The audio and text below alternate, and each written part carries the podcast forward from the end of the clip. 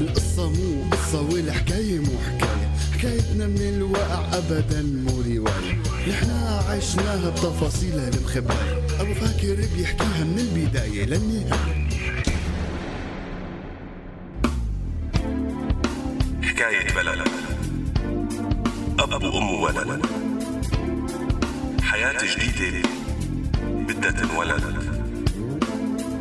حكاية سوريا الروح قبل الجسد. الروح قبل الجسد. هلا مع حكواتي السورياني. عاها راديو سورياني خليكم معنا.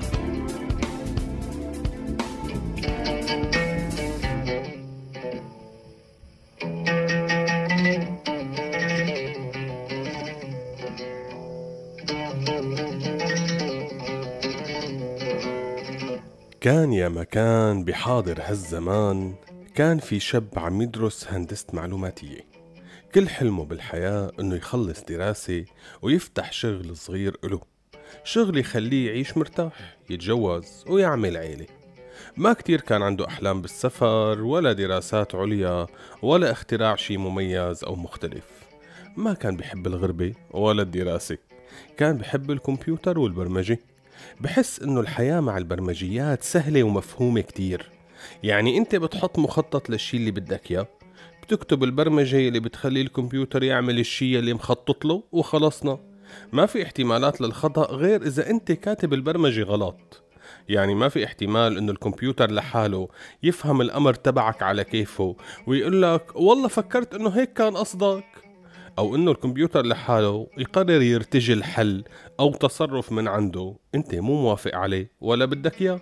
وكل الأفلام يلي كان يشوفها تبع الخيال العلمي يلي بتتنبأ إنه الكمبيوترات بالمستقبل حتملك ذكاء صنعي خاص فيها وتسيطر على البشر وتتحكم فيهم ما كانت تقطع بباله ولا يتعامل معها أكثر من إنها فيلم سينمائي خيالي. وما يقبل حتى إنه يفكر فيها. برأيه الذكاء الصنعي هو شيء مبرمج ويلي صممه هو حاطط فيه هاي الاحتمالات. ولا يمكن بيوم من الأيام الآلة تتغلب على عقل المبرمج نقطة انتهى. ما في نقاش. ولما كان يفوت بهذا النقاش مع آمال زميلته بالكلية كانت تقفل دائما بخناقة. لأنه آمال عندها مجال للتفكير بإمكانية حصول تطور خارج إرادة الإنسان.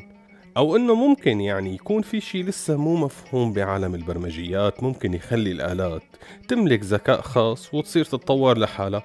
مشان هيك هي كانت كتير حريصة إنه ما تسمح للأجهزة الذكية بالتحكم بحياتها.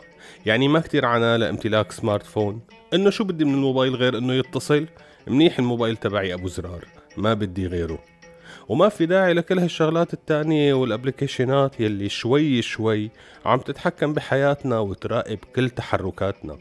الكمبيوتر دائما بتحاول تكون هي المتحكمة فيه مو هو. يعني أي شيء بياخد معلوماته من الشبكة بتخليه يكون محدود الصلاحية قدر الإمكان طبعا. لأنه مهما حاولت بتصطدم دائما ببرمجة ما بتترك لها مجال غير أنه ترضخ وتعطيه حرية التصرف. بينما إياد صديقنا اللي عم بحكي حكايته ما كان عنده مشكلة بهالشي. بس كان يخليه تحت المراقبة لأنه بالنهاية في قرصنة معلومات ما لازم نستهين فيها. بس مع هيك مع كل هالخلاف بوجهات النظر كانوا بحبوا بعض. كانت هي النقاشات تاخد منيح من وقتهم يلي بمضوه بجنينة الجامعة. بس كان دائما في وقت إلن وقت يحكوا فيه عن مشاعرهم أحلامهم مستقبلهم.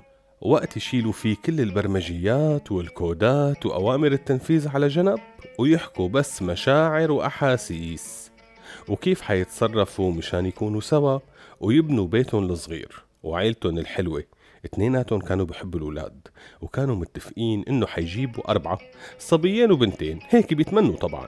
بس القصة متروكة للنصيب ومشيئة رب العالمين.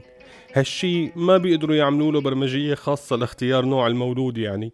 وحتى إنهم اتفقوا إنه وقت حيصير حمل إن شاء الله ما حيسألوا الدكتورة عن جنس المولود حيتركوها مفاجأة لوقت الولادة. هيك عقلهم.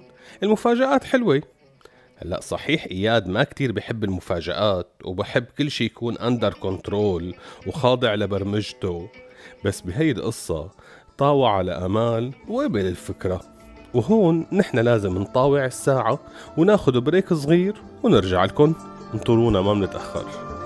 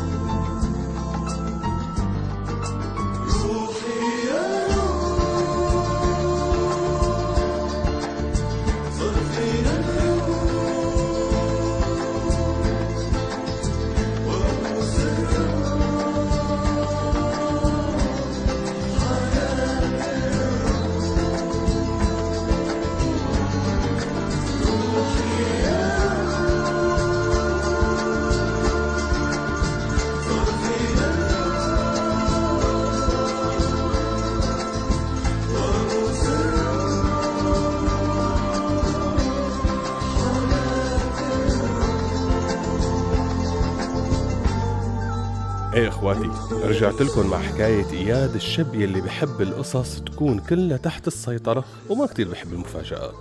بس قبل فكرة حبيبته آمال إنه وقت يتجوزوا ويصير حمل ما يسألوا الدكتورة عن جنس المولود وينطروا للحظة الولادة وكيف كانت حياته كلها حاطط لها ترتيب واضح بذهنه. حيخلص جامعة ويترك المكتب يلي بيشتغل فيه هلأ ويفتح شغله الخاص ببرمجة أنظمة الكمبيوتر.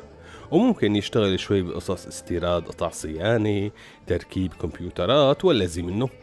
وبعدها بيتجوزوا وبيكملوا حياتهم. هيك كله تمام under control طيب وعسكريتك؟ سألته آمال. فضحك وقال لها لك هنن سنة ونص بيمضوا. بعدين دائما في حل. يعني قرشين بتدفعيهم بتفيشي وبتعدي بالبيت. وصرت مجمع مبلغ منيح هلأ من شغلي. بظن بكفوني حتى أتسرح. وخلصت الجامعة وخدم عسكريته وفيش وفتح مكتبه وتسرح وخطب وبلش تجهيز للبيت اللي حياخده ويتجوزوا فيه. بهالأثناء كانت الأمور بالبلد عم تتغير بسرعة والضغط عم يزيد على العالم والوضع الاقتصادي عم ينحدر بسرعة. وسيطرة بعض المسؤولين والمحسوبين على السلطة من التجار على مفاصل الحياة صارت بتخنق وصار الانفجار. وطلعت البلد بثورة. ومن مدينة لمدينة تنتقل هالشرارة والوضع يتكركب وما يعود مفهوم. بالبداية فكر إياد إنه القصة بسيطة شوية كركبة وبتنحل. هلا هو صحيح واعي لكل الأخطاء اللي عم بتصير والفساد والقمع وغيره وغيراته من الشغلات يلي بينحكى عنها ويلي مشان الناس طلعت ثورة. بس كمان برأيه إنه لكنا عايشين يعني تعودنا على هالوضع وبنعرف نتعايش معه وكل قفل له مفتاحه مو مستاهلة تولع البلد هذا الشيء اللي كانت آمال بتخالفه فيه كتير. برأيها إنه طبيعي كتير هالشي يصير. طبيعي العالم تتحرك وتضوج ولازم النظام يكون ذكي ويعرف يتعامل مع الموضوع. إنه هي فرصة كتير ذهبية للرئيس يلي وقت ما استلم وعدنا بالإصلاحات. وكنا نقول إنه يلي حواليه ما عم يخلوه يتحرك بسرعة وقوة. فهلأ فرصة ممتازة؟ بيقدر يستغل هالحراك الشعبي ويضغط على أركان النظام والمسؤولين ويجبرهم على الإصلاحات وتمشي البلد بالاتجاه الصحيح. لكن للأسف يلي صار إنه الفرصة الذهبية يلي كانت تشوفها آمال تحولت لكابوس وقت اختار النظام الحل العسكري والأمني وقت قرر يقابل احتجاجات الناس برصاص والاعتقال والموت والسخرية من المطالب وتحويلها لمؤامرة وتخوين للناس يلي عبرت عن غضبها. هالشي شافت فيه آمال مصيبة كبيرة وخافت كتير وحست إنه البلد رايحة لمكان مجهول وبلشت تفكر هي وإياد إنه يمكن لازم يغيروا شوي من مخططاتهم. يمكن لازم نسافر يا إياد. يعني إذا ما بدنا نفوت باللي عم بصير ولا نتورط فيه لازم نبعد عنه قد ما فينا. يلي عم بيصير دوامة كبيرة. حتبلع البلد ويلي فيها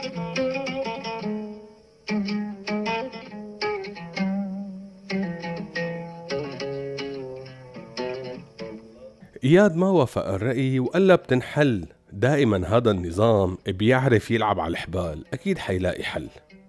لكن الأيام أثبتت أنه ما عم يلاقي حل بس عم يولعها أكتر وأكتر. وبلش سحب الاحتياط على الجيش. وهون بلش إياد يحس إنه القصص رايحة لمحلات تانية. مثل ما حنروح هلأ لفاصل ونرجع لكم.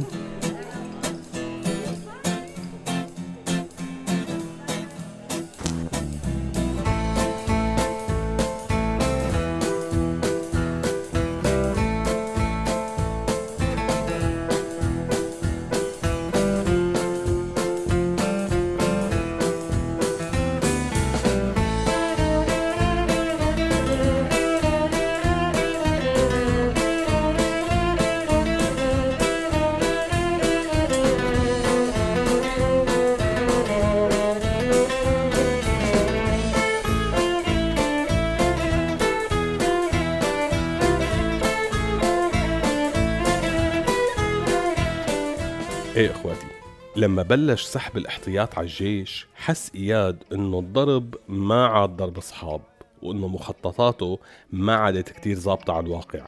يمكن كلام آمال معقول يمكن لازم نسافر وبلش تخطيط لفكرة السفر وين المكان الأنسب يلي بيقدروا يشتغلوا فيه. إله رفقات بالخليج بلش يراسلون وفي رفقة طلعوا على تركيا وأسسوا شغل فكمان بعت يسألون. وهلأ في رفقة صاروا بمصر بعت ياخد رأيهم. بس للأسف ما كان معه كتير وقت لأنه مرة وهو راجع على البيت المساء بعد الشغل وقف على الحاجز يلي بحارته سلم على الشباب يلي صار بيعرفهم لأنه كل يوم بمر من عندهم صبح ومساء. ردوا السلام وقالوا له شرف معنا.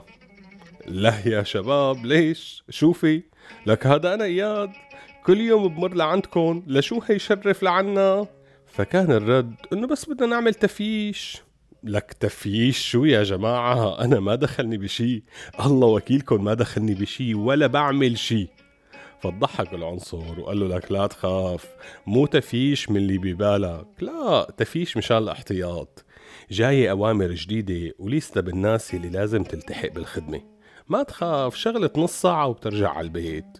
أنت غالبا لسه ما وصلك الدور. ونزل إياد معهم وقف على جنب لبينما الضابط يعمل التفيش تبعه. وطلع بعدها من الكولبة وقرب لعنده وهو مبتسم. هي الابتسامة خلت إياد يرتاح شوي إنه معناتها نفدنا. بس لازم اتحرك بسرعة وسافر القصة قربت كتير. مد إيده للضابط مشان ياخد الهوية منه بس الضابط ما عطاه إياها. ناول للعنصر يلي جنبه وقال له حطه مع البقية. العينتين طلع من الدورة المطلوبة وانسحب من على الحاجز على الاحتياط. وما طلع بإيده يعمل أي شيء لبس البدلة والتحق بالخدمة. وكانت تجربة جديدة بالنسبة له لأنه ما سبق وعاشها لما خدم عسكريته ما شاف منها غير أول 45 يوم وبعدها فياش. بس هلأ ما حدا عم يرد عليه ولا عم يساعده بقصة التفييش والوضع مخربط والناس فايتة ببعضها وكل يوم أوامر شكل.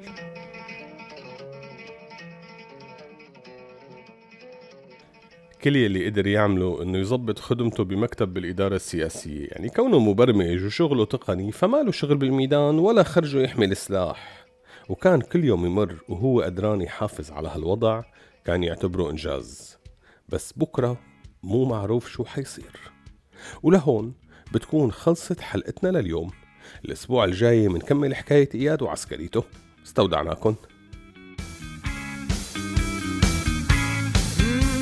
مرتاح وكبير ومخدر. تعالي نتمشى تعالي نتمرجح. سؤالي مش موجود ألوان أمواج السما عم تتغير.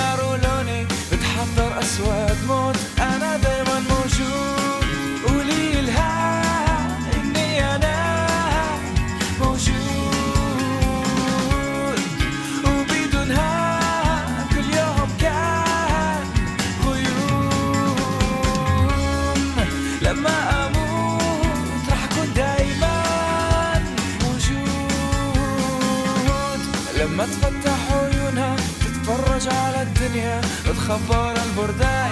شو حلو هالصباح والشمس عم تعكسني. شو أسود مزاجي بتفرج على النجوم يوم الجمعة مجنون قولي هذا البرنامج من إنتاج راديو سوريالي 2016 عم تسمعوا راديو سوريالي.